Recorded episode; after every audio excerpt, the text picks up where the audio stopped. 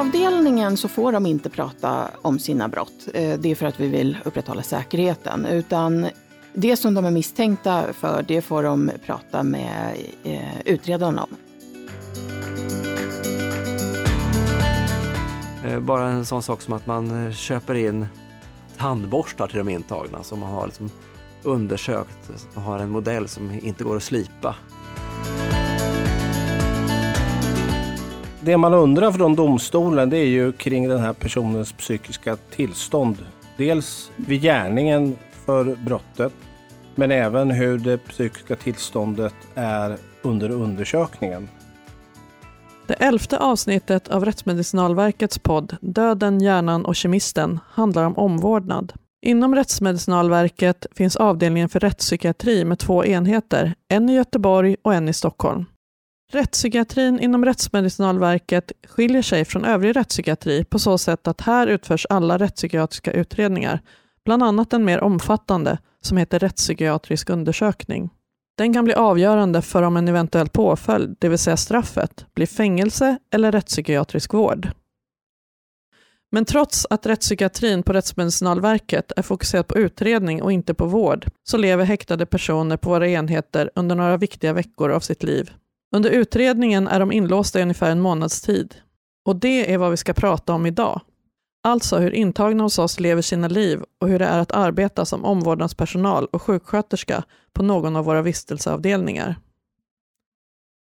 Den som leder programmet och ställer frågorna är John Henslert och Johan Göransson är producent. I det här avsnittet har vi med oss en utredande kontaktperson tillika omvårdnadspersonal och två sjuksköterskor. Välkomna! Ja, välkomna ska ni vara. Det här avsnittet kommer handla om omvårdnad inom den utredande rättspsykiatrin. Jag tycker att vi kan börja med att presentera oss. Ja, jag heter Teresa Mellberg och är utredande rättspsykiatrisk kontaktperson. Och jag heter Henrik Enbom och jag är sjuksköterska på eh, avdelningen. Då. Jag heter Stefan Folheim och jag är gruppchef. Vi är just nu på den rättspsykiatriska utredningsenheten i Stockholm. Och så finns det en sån i Göteborg också. Och eh, båda tillhör då Rättsmedicinalverket. Vad skiljer den utredande rättspsykiatrin som Rättsmedicinalverket står för från den vårdande rättspsykiatrin? Ja, till att börja med så är det ju två olika huvudmän som bedriver de här verksamheterna. Den rättspsykiatriska vården drivs av regioner i landet och de vårdar personer som är dömda till rättspsykiatrisk vård. Alltså regioner som är det som förr kallades landsting? Precis. Det gör det på en del ställen fortfarande. Det stämmer. Rättsmedicinalverket jobbar ju då på uppdrag av domstolar för att leverera utredningar eh, inför påföljd, det vill säga innan man är dömd till rättspsykiatrisk vård. Det som brukar kallas straff. Ja, den påföljd som man ska få i domstolen om man bedöms skyldig för en gärning. Och vilka uppgifter har då den utredande rättspsykiatrin? Ja, som jag nämnde så är då domstolarna våra uppdragsgivare. Innan man då dömer en person i domstolen så kan det under utredningens gång eh, uppstå frågetecken kring den här personens psykiska hälsa. Och för att påföljden ska bli enligt som det ser ut i Sverige på, på rätt sätt eh, så är det så att man ska kan ju då bli dömd till fängelse men man kan också dömas till rättspsykiatrisk vård. Och då ställer domstolen frågan till Rättsmedicinalverket om den här personen lider av en allvarlig psykisk störning eller ej. Och då kommer vi med rekommendationer till domstolen inför påföljdsvalet.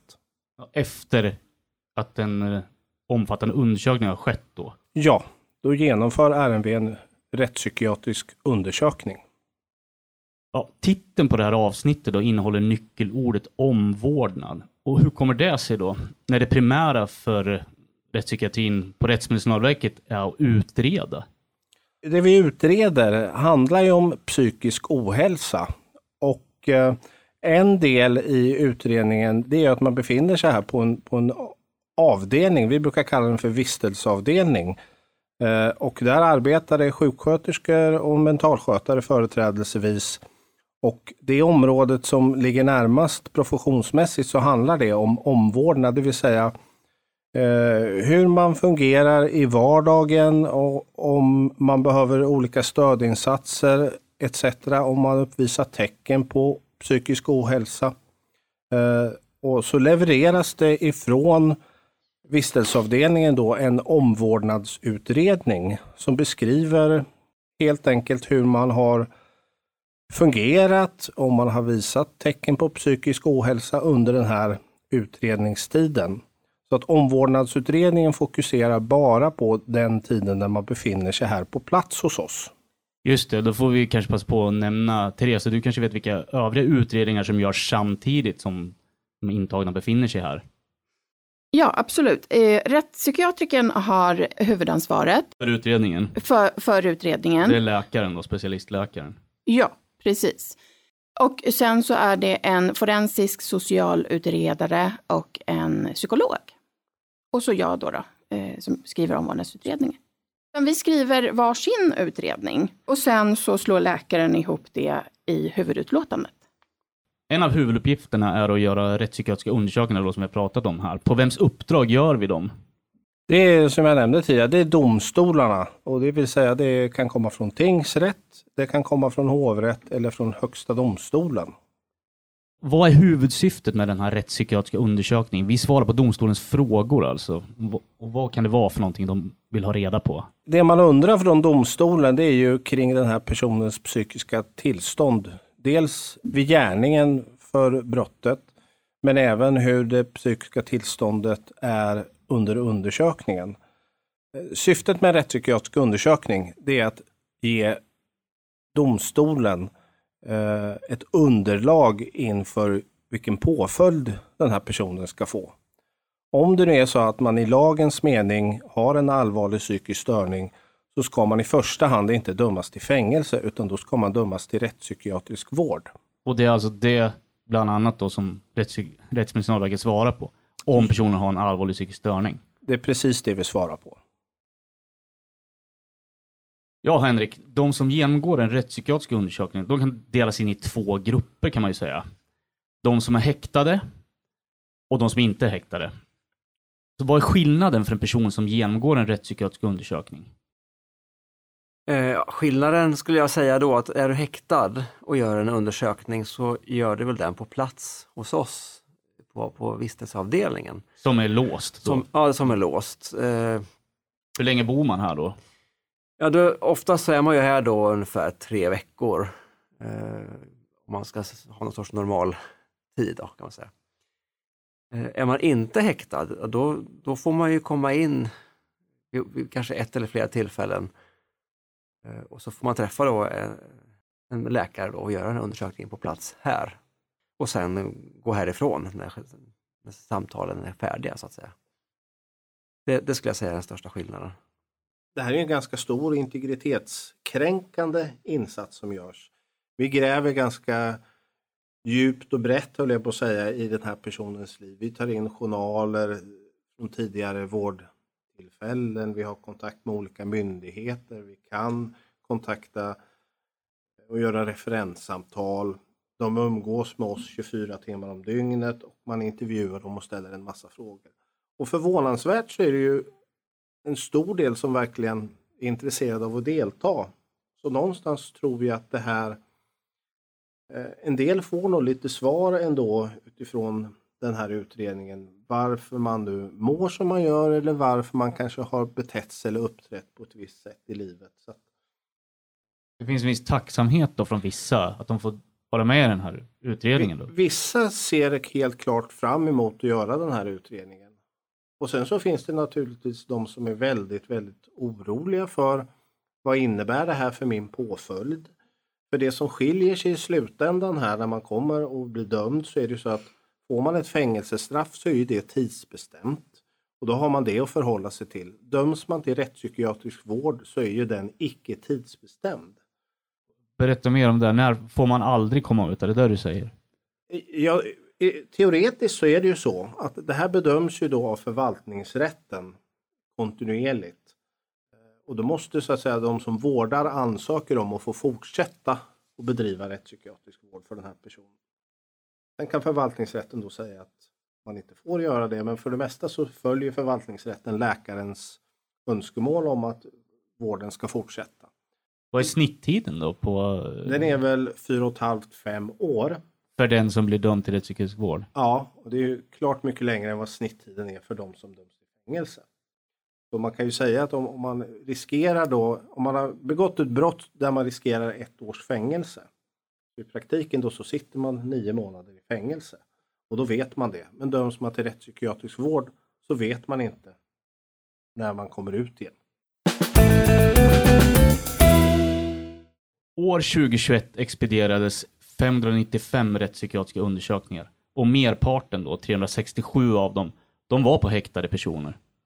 Och det är de här häktade personerna som omvårdnadspersonalen har mest med att göra.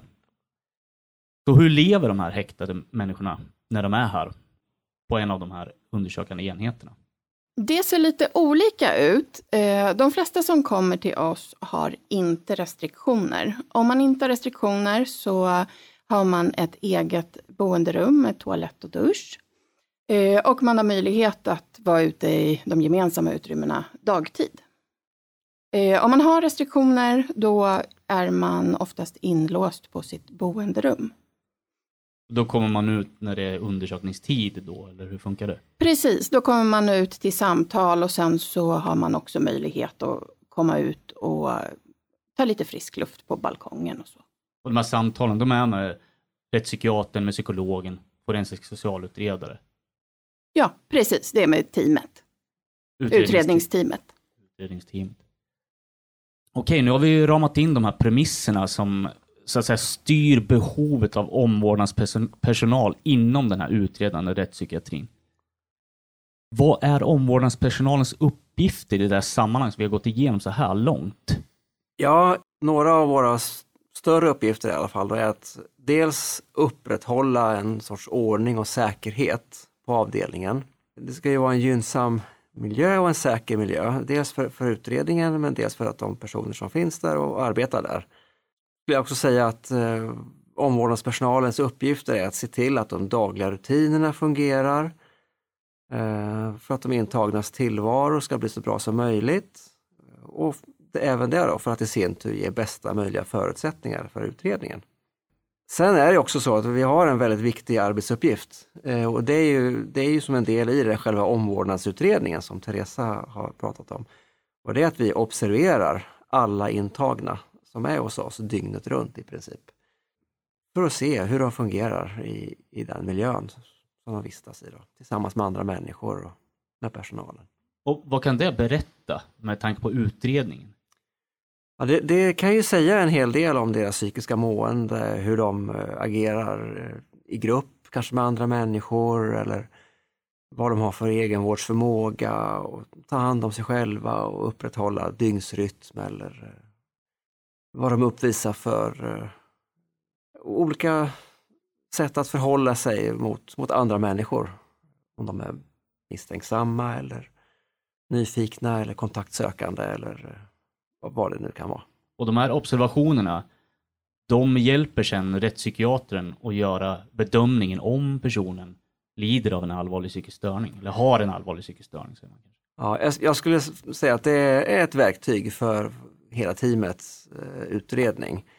Eh, för, att de träffar ju personerna i, sina samtal, men vi träffar ju de här personerna dygnet runt. Och det är en Eh. väldig skillnad, eller hur? Man kan hålla ihop i en Ja. timme under ett samtal, men, Ja, men man visar vem man verkligen är eftersom man lever och verkar här då. Ja, och vi observerar ju allt de gör i princip, förutom när de är bakom sin dörr då på sina rum.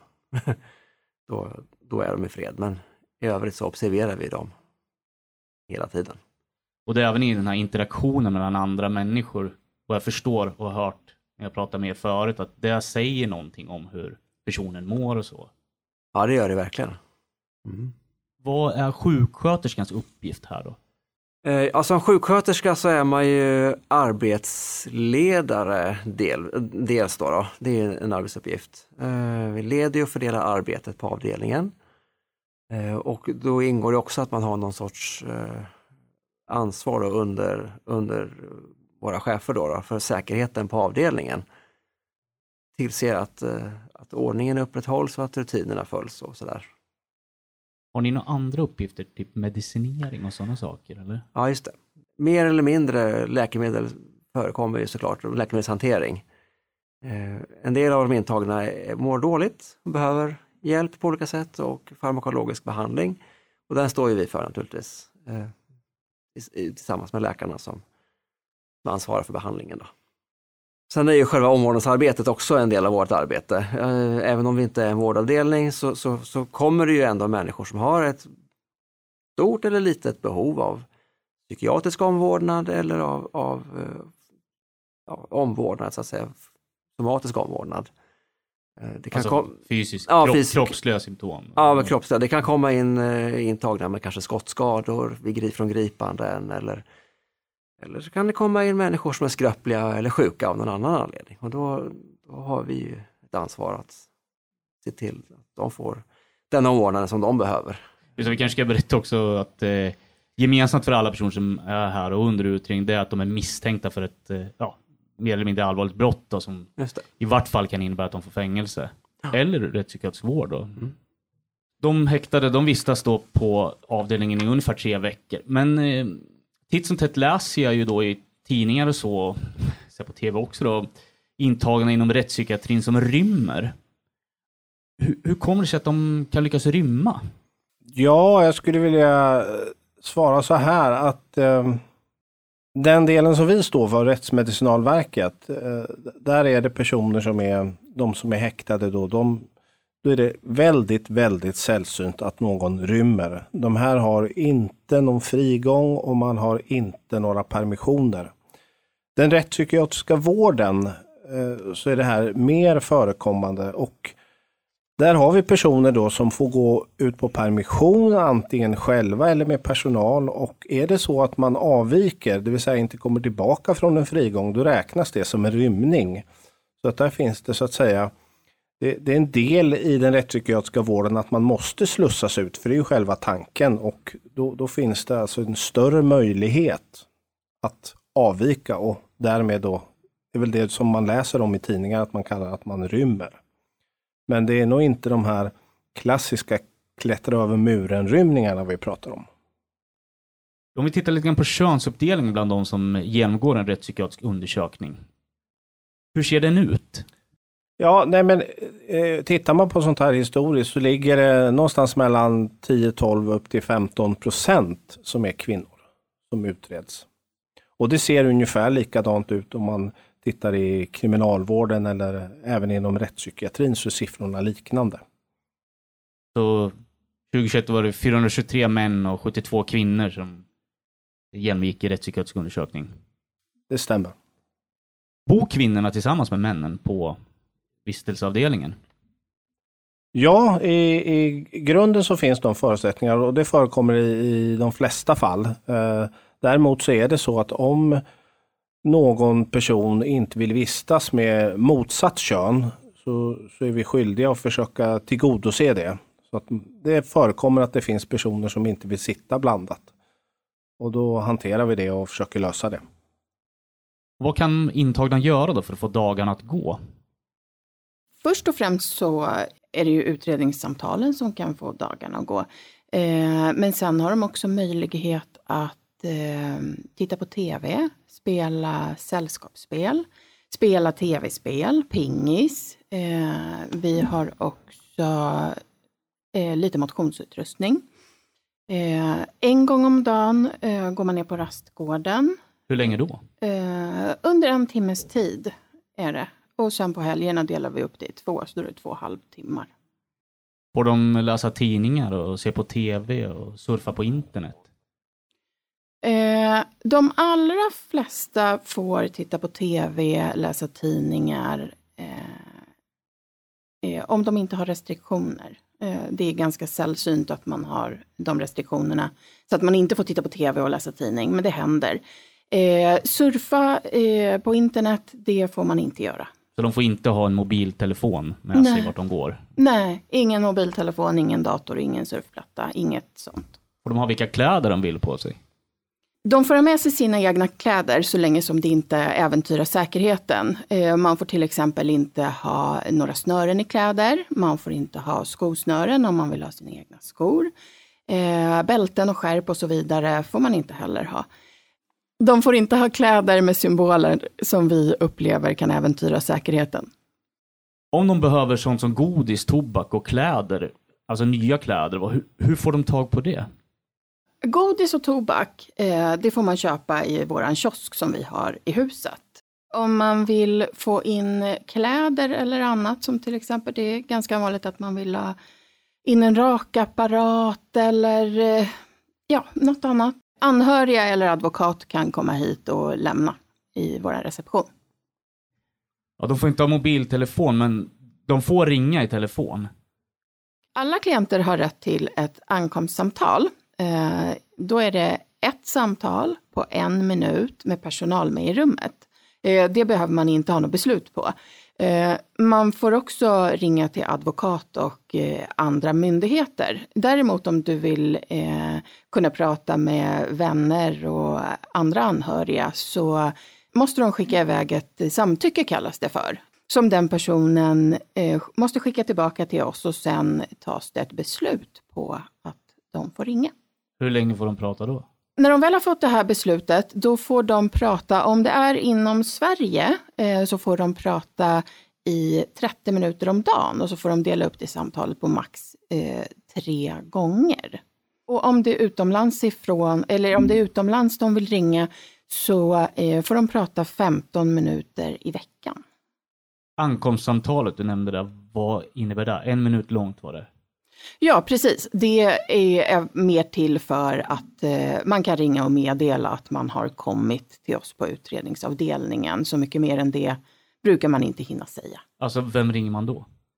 Ja, det, det är ju upp till klienten. Oftast så är det till, ja, det är till nära anhöriga. Någon är nära an, anhörig. Kan intagna umgås med varandra, Henrik? Eh, ja, det, det skulle jag säga, det är ju nästan normalfallet. Eh, så länge man inte är belagd med eh, några åklagarrestriktioner eh, som förbjuder det, eller att- om man av någon anledning befinner sig i avskildhet eller så, så, så kan de intagna umgås med varandra.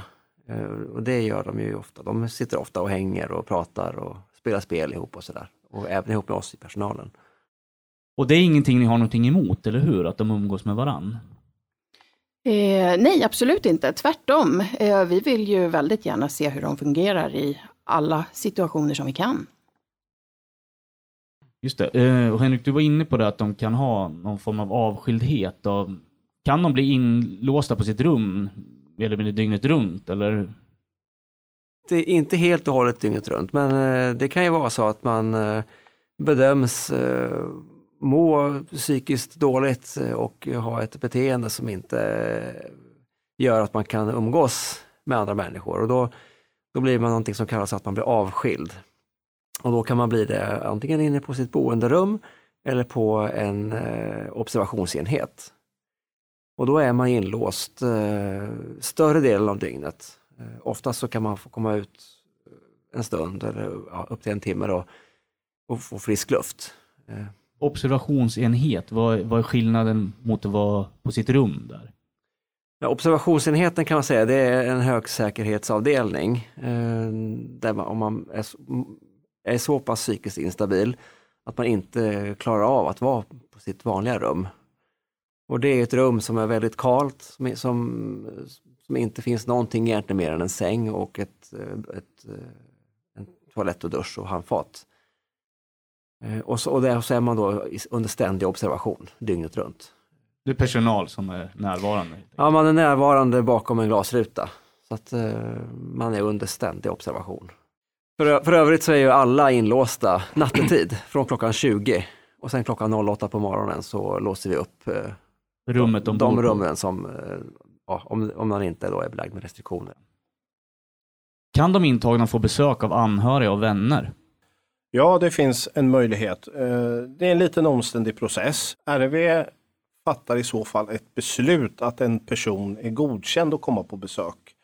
Och för att det ska kunna godkännas så måste vi ta in något som vi kallar för ett samtycke. Det vill säga personen måste säga ja till att komma hit och besöka. Och eh, vi skriver ett beslut som tillhandahålls den intagne och sen kan den anhörige boka ett besök och komma hit. Och hur länge får man vara här? En hel vecka? Nej, man, besökstiden är 45 minuter. Och vad får man göra under den tiden? Får man spela pingis till exempel? Besöksrummet består egentligen bara av bord och stolar så att det är, man sitter och samtalar. Vad tycker de intagna om att vara här? De allra flesta intagna tycker eh, att det är bättre att vara här än på häktet. Eh, det är eh, lite friare, lite öppnare eh, och de har tillgång till lite fler saker än vad de har på häktet. Saker som, vad kan det vara? Det kan vara som för oss skulle vara oväsentliga saker, men som till exempel att man får eh, dricka hur mycket kaffe och te och saft som man vill på dagarna. På häktet är det begränsat. Vi har tillgång till lite pyssel, lite sällskapsspel. Det är, eh, de, de, har tillgång till dusch och toalett inne på, på boenderummet. De allra flesta tycker att det är bättre hos oss än på häktet. Ja, de som genomgår rättspsykiatrisk undersökning, de, har ju, de är misstänkta för att ha begått ett brott som kan ge fängelse. Hur upprätthåller man säkerheten på avdelningen då? För både intagna och för personal som jobbar där? Eh, ja, det finns inget enkelt och entydigt svar utan det här är ju många, många delar som, som eh, byggs ihop till, till en slutlig säkerhet kan man säga. Men till att börja med så befinner vi oss i ett hus eh, som är byggt och anpassat för den här typen av verksamhet. Vi är väldigt noggranna med vad det är för material och vad det finns för saker tillgängliga för våra intagna. Vi vill inte ha saker som kan vara, som vi bedömer vara farliga, som, att det finns på avdelningen.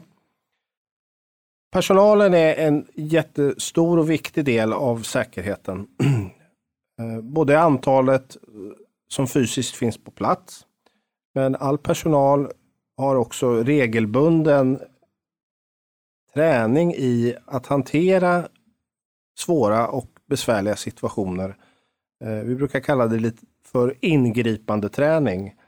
Där man tränar på att möta personer som kan vara utåtagerande och våldsamma. Vidare så har vi också fortlöpande bedömningar eh, tillsammans med både läkare, men det gör man ju hela tiden som omvårdnadspersonal i och med att man umgås. Man tittar på om det blir ett förändrat mående, ett förändrat beteende som vi kan bedöma då kan vara tecken på att det kan bli riskfyllt. Vi har ju en väldigt fyrkantig miljö skulle jag säga, i, i, när vi tänker eh, rutiner och, och liksom ramar och så. Vi har en otroligt låg tolerans när det kommer till hot och våld och en tydlighet just för att upprätthålla säkerheten. Vi, vi tolererar liksom ingenting eh, avvikande. Va, vad menar du när du säger tolerera? Säg att någon uttalar ett hot mot en annan person. Ja. Då, vad innebär det? Eh, ja, det kan ju vara så att en person uppträder hotfullt. Eh, då, då, en sån person får inte vistas på avdelningen då, utan då får man eh, i så fall ta, om det behövs, ta ett beslut om avskildhet för den personen. Eh, och så får man göra en, en, en, tydlig bedömning om den här personen så kanske behöver eh, farmakologisk behandling för att den är, alltså befinner sig i ett akut eh, psykiskt försämrat mående då, som behöver behandlas. Sen, precis som Stefan sa, den här ständiga närvaron på avdelningen av personal eh, är ju jätteviktig. Vi finns där hela tiden. Eh, vi lämnar aldrig avdelningen en sekund. Dygnet runt? Eh, dygnet runt eh, finns vi där. Även om det är låsta dörrar på natten så, så finns det personal där utanför. Sen, sen har man också ett, ett ganska gediget liksom, helhetstänkande när det gäller även små, alltså in i minsta detalj känns det som. Eh, bara en sån sak som att man eh, köper in tandborstar till de intagna som man har liksom undersökt, så att man har en modell som inte går att slipa till exempel, så att den kan bli vass. Eh, Men äter de med kniv och gaffel? Det är ju vassa grejer. Hur funkar det? De äter med kniv och gaffel, eh, men det, då har vi särskilda bestick som man köper in från kriminalvården som man har eh, utarbetat då för att de ska vara med så hög säkerhet som möjligt. Vi har varit inne lite grann på det här vad de intagna gör. Eh, men eh, kan man gå igenom en dag för en intagen då som är häktad och, och lever och verkar här på, på avdelningen? Hur ser den ut? Eh, en dag för en intagen, alltså det, då finns det ju vissa fasta tider kan man säga. Dels är upplåsningen då klockan åtta när de får komma ut. Då har vi dem då möjlighet att gå ut på rastgård, ta frisk luft och röka om de vill det. Vi har ju fasta mattider, eh, för frukost, lunch och middag och, och mellanmål och sådär. Sen däremellan så är det ju liksom tid för utredningssamtal, eh, för samtal och för olika bedömningar. Och sen är det ju väldigt mycket tid som, som, där de får liksom tillbringa som de behagar, alltså umgås med de andra intagna, eller sitta på sina rum och titta på TV eller De spelar kort, då, ja, tv-spel Ja. nämnde ni. Ja. allt möjligt som Mm. man kan komma på. Då tar vi en dag på jobbet då för er som jobbar på avdelningen. Teresa, kan du berätta hur en sån ser ut? Eh, ja, eh, vi börjar alltid våran dag med en eh, rapport om eh, hur de intagna har fungerat, om det har hänt något speciellt. På Eh, skiftet som har varit nyss då? Ja. Precis, exakt. Eh, så att vi har färsk information om, om vad som har hänt. Och hur de mår då och- kanske också? Eller? Precis, hur de mår. Efter det så brukar vi gå ut på golvet som vi säger, alltså ut på, tillsammans med de intagna. Vi serverar ju självklart måltiderna till dem. Vi kan sitta och titta på TV med dem eller spela spel, sitta och småprata. Eh, Det ser lite olika ut.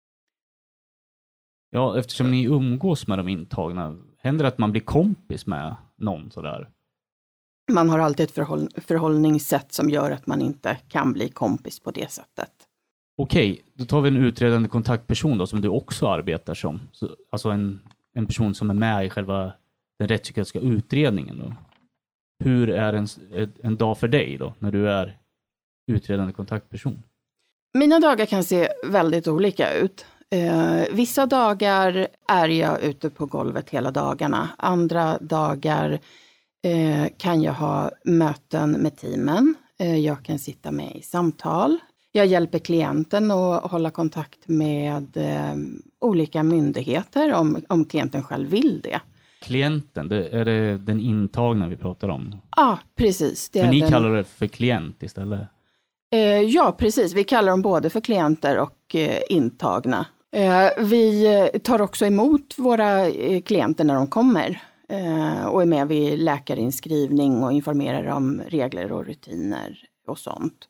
Och sen så självklart är vi med på alla, alla eh, team. Vi har ett eh, förteam kallas det för. Eh, då får klienten träffa teamet för första gången, får lite information om eh, hur länge han ska vara här, eh, får se ansikten på utredarna, eh, fråga frågor och så vidare. Eh, sen ungefär i mitten av utredningen så har vi ett så kallat mellanteam. Eh, då är inte eh, klienten eh, med, utan då är det bara teamet som samlas och så sitter vi och eh, pratar om eh, vi tycker att eh, personen har en allvarlig psykisk störning eller om personen inte har det. Sen eh, på slutet, precis innan eh, klienten lämnar oss, då har vi ett slutteam kallas det för. Och på det slutteamet får ju klienten då reda på om eh, vi tycker att den personen lider av en allvarlig psykisk störning eller inte. Okej, Henrik och Stefan också, ni är ju då sjuksköterskor. Henrik, kan du berätta om en dag på jobbet för dig? Eh, ja, man, vi jobbar i olika skift då, då men, men säg att vi jobbar eh, vanliga dagskiftet då, som börjar 7.30 på morgonen.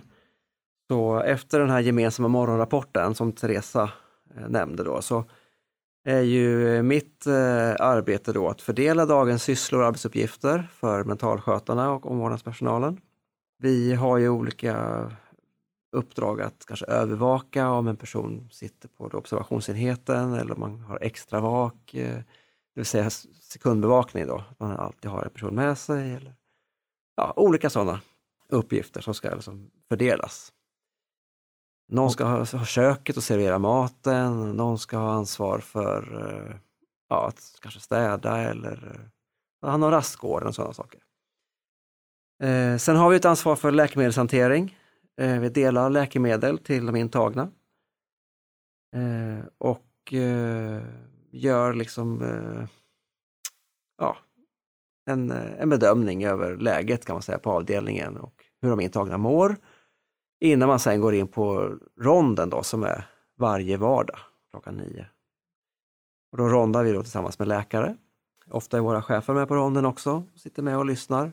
Ronden, du måste berätta vad det är. Ja, det är kan man säga en ordentlig genomgång då av alla intagna, hur de mår, vilket, vilket tillstånd de befinner sig i och eh, lite om, bakgrund och så och varför de är här och så. Så att, så att den läkare som är jourläkare för dagen då har en klar och tydlig bild över avdelningen och vilka som är intagna. Eh, och sen efter den här ronden då, som görs, eh, man sitter i en sittande rond, så, så man går inte runt då. Eh, sen efter den här ronden då så, så går man ut och gör personliga bedömningar kan man säga på, på de som behöver en, en läkarbedömning. Eh, eller undersökning. Man kanske behöver, har behov av en läkarundersökning av olika, olika anledningar. Och sen så gör man ju kontinuerliga bedömningar under dagen om, om det psykiska måendet eh, skiftar. Som sjuksköterska gör man de bedömningarna? ja, man, man är ju, vi är ju hela tiden på avdelningen och eh, observerar alla intagna. Och, och då, är, då automatiskt så, så, bedömer man ju hela tiden alltså tillståndet hos de intagna och ser om det sker förändringar eller, eller någonting som behöver åtgärdas eller som behöver kanske påtittas av, av en läkare. Eh, och ibland så behövs ju då särskilda insatser om det är någon som mår så pass dåligt eller uppträder olämpligt. Berätta om de här daganteckningarna som personalen gör kring de intagna. Ja, precis. Eh, personalen gör eh, daganteckningar. Eh, det handlar om hur personens dag har varit, kan man säga. Eh, vad den har gjort och lite hur den sköter sin ADL. Eh, alltså om den tar hand om sig själv, borstar tänderna, duschar, eh, hur den sover. När jag skriver min omvårdnadsutredning sen som jag gör på slutet, då tittar jag på alla de här daganteckningarna och skriver jag skriver mycket efter daganteckningarna men också efter mig själv och mina egna observationer. Hur blir man då en del i omvårdnadspersonalen här på Rättsmedicinalverket? Alltså om man vill börja jobba här? Medarbetarna på vistelseavdelningen, det är, majoriteten är utbildade skötare. Och det är cirka tvåårig utbildning på gymnasienivå. Sjuksköterskorna är ju en utbildning som är på minst tre år, en högskoleutbildning. Sen har vi medarbetare som har likvärdig utbildning jämförelsevis med skötare. Så att man måste absolut inte vara skötare även om majoriteten har den utbildningen. Många av de intagna har psykisk ohälsa. Vad innebär det för dig då som jobbar här och arbetar med sådana personer? Henrik, du kanske kan svara? Ja, dels så kanske kan det innebära att man behöver ha en kunskap att göra bedömningar hur, hur de här personerna mår och hur man bäst ska kunna hjälpa den här personen här och nu. Eh, för att han ska kunna må bättre eller så bra som möjligt. Och då, det är delvis då för att personen såklart inte ska behöva lida i onödan. Eh, men också så vill man då underlätta och eh, göra så bra förutsättningar som möjligt för att den här rättspsykiatriska undersökningen ska kunna genomföras. Eh, och hur kan man då hjälpa den här personen? Ja, det, då har vi då tillgång till läkemedel som ordineras av våra läkare.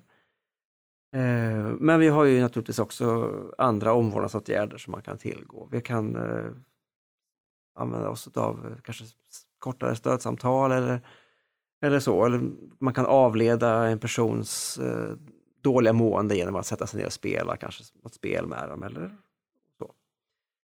Eh, och i, och i särskilda fall då, eh, nästan i nödfall då, så, så får man ju då ta till avskiljning som, som, som åtgärd ifall en person är utåtagerande och mår så pass dåligt.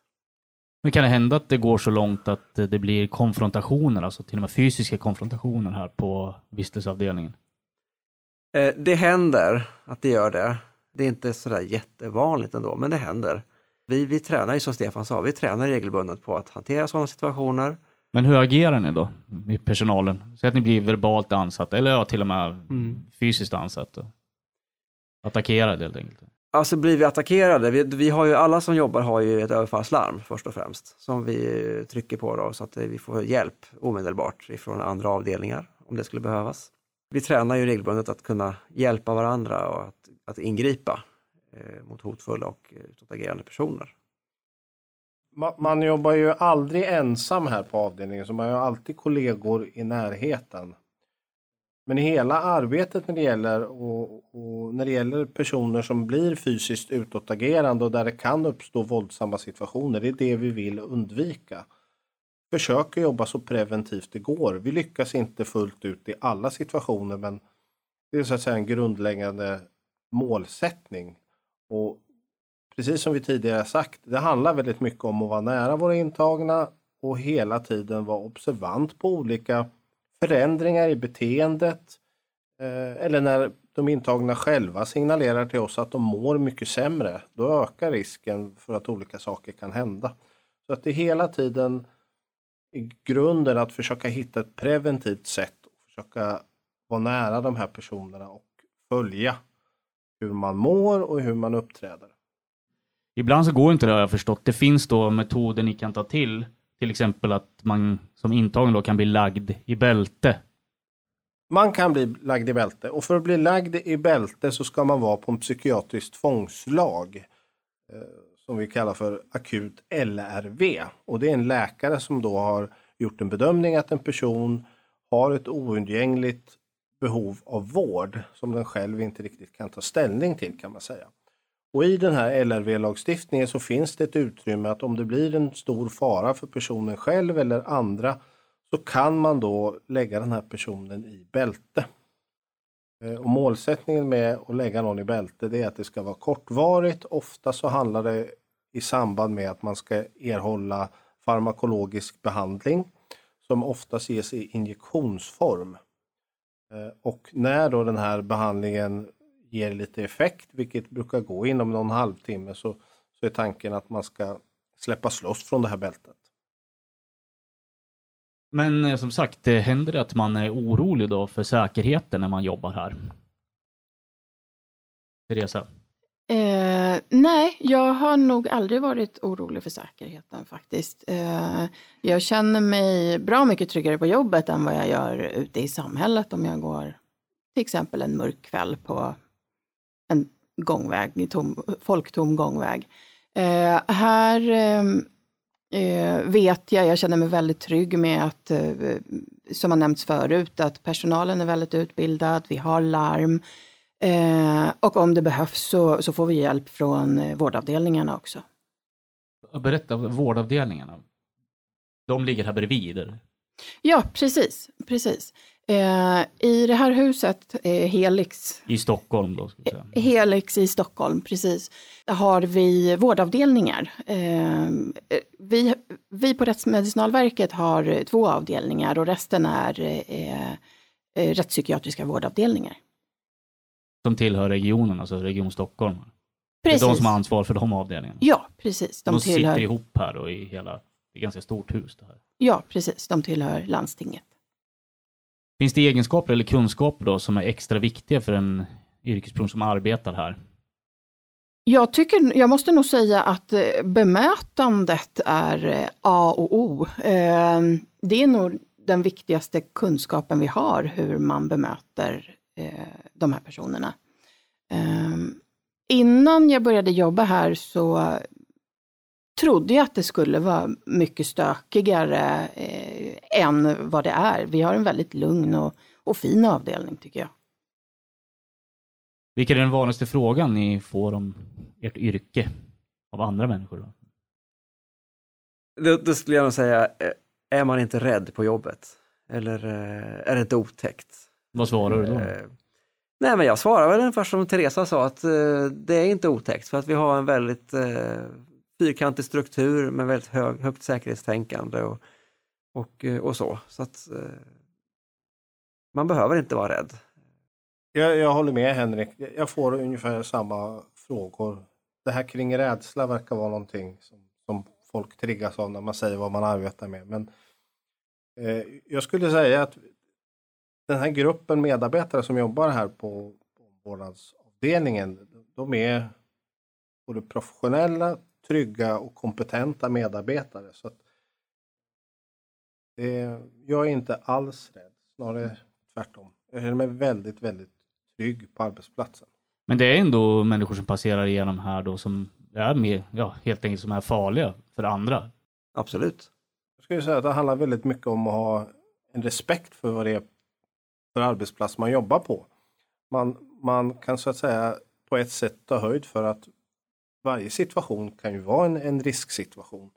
Vissa situationer är mer riskfyllda än andra naturligtvis, men det handlar om alla de här delarna vi pratade om tidigare, att vi har ett bra förutsättningar fysiskt. Vi är bra lokaler, medarbetarna är kompetenta, vi tränar regelbundet och vi jobbar tillsammans och aldrig ensamma. Vi tummar så att säga aldrig på det och är det så att man behöver förstärka upp och vara fler personer i olika situationer, då ser vi till att vara det. Hur ofta händer det incidenter? Incidenter, eh, det är lite olika. Eh, det, det, kan gå lite i vågor. Ibland kan det vara flera incidenter under en och samma vecka och sen kan det gå upp till flera veckor utan att vi har någon incident av något allvarligare slag. Men eh, det en, har ju... Vad kan en incident vara till exempel? Incident, du säger flera i veckan här. Incident kan vara att en person uttryckligen är hotfull mot andra intagna eller medarbetare. Det kan vara personer som går till fysiskt angrepp både mot döda ting, medarbetare eller andra intagna. Vi har tur där. Det är väldigt sällan att medarbetare eller andra intagna kommer till skada. Det har förekommit men inte så pass allvarligt att um, man behöver uh, uppsöka sjukhusvård. Det har hänt vid enstaka tillfällen. Uh, oftast när det är att personer gör illa sig så handlar det om att man i det som vi kallar för den här ingripande situationen, en person måste hanteras för man uppträder på ett sådant sätt att man inte kan vara kvar så man kanske måste förflyttas. Då måste man fysiskt leda den här personen och då, då kan det lätt bli handgemäng och då kan det bli som en liten brottningsmatch och det är inte ovanligt att eh, någon råkar slå i ett knä eller man får lite skrapsår och så vidare. Det är i alla fall inte allvarligare än så? Då. Vanligtvis så är det de skador som uppstår, även om det har hänt att medarbetare har fått slag riktade mot sig både i ansikte och, på kroppen och sparkar och sådär. Men det, det skulle jag säga är relativt ovanligt. Pratar de intagna mycket om det brott eller de brott de misstänks för? På avdelningen så får de inte prata om sina brott. Eh, det är för att vi vill upprätthålla säkerheten. Utan det som de är misstänkta för, det får de prata med eh, utredarna om. Ja, det har blivit dags för sammanfattning av det här avsnittet. Så då tänkte jag fråga dig då, Stefan, vad är syftet med den utredande rättspsykiatrin här på Rättsmedicinalverket? Vi är ju en del i rättsprocessen och den här delen syftar till att hjälpa domstolen att döma till rätt påföljd. Det vill säga att de frågar Rättsmedicinalverket, lider den här personen av en allvarlig psykisk störning? Ja eller nej? Och utfallet där är då ja, då ska man i första hand dömas till rättspsykiatrisk vård. Ja, det är det vi rekommenderar. Berätta hur den som är intagen här då på vistelseavdelningen lever under den här rättspsykiatriska undersökningen.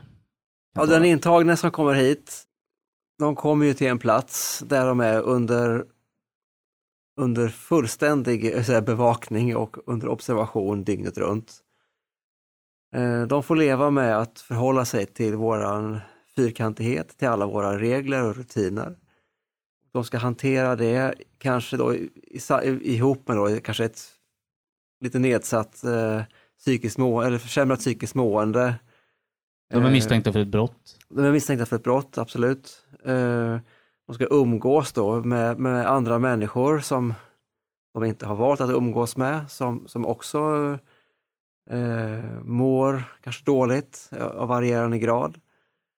Eh, och de eh, förväntas då att uppvisa någonting som är gynnsamt för dem själva i, i den här svåra situationen också. Då. Plus att de ska då genomgå den här rättspsykiatriska undersökningen då, som är en riktig djupdykning och som Stefan sa, det är en, den går väldigt nära de här personerna på deras privatliv. Så det är nog en väldigt jobbig period i deras liv tror jag. Och det får vi som jobbar här då försöka, försöka hjälpa dem med, med den här tiden, att det ska bli så bra som möjligt. Teresa, apropå er som jobbar här då på vistelseavdelningen, hur är ett arbetspass? Det viktigaste vi gör under arbetspasset det är ju att observera, eh, dokumentera och hålla säkerheten.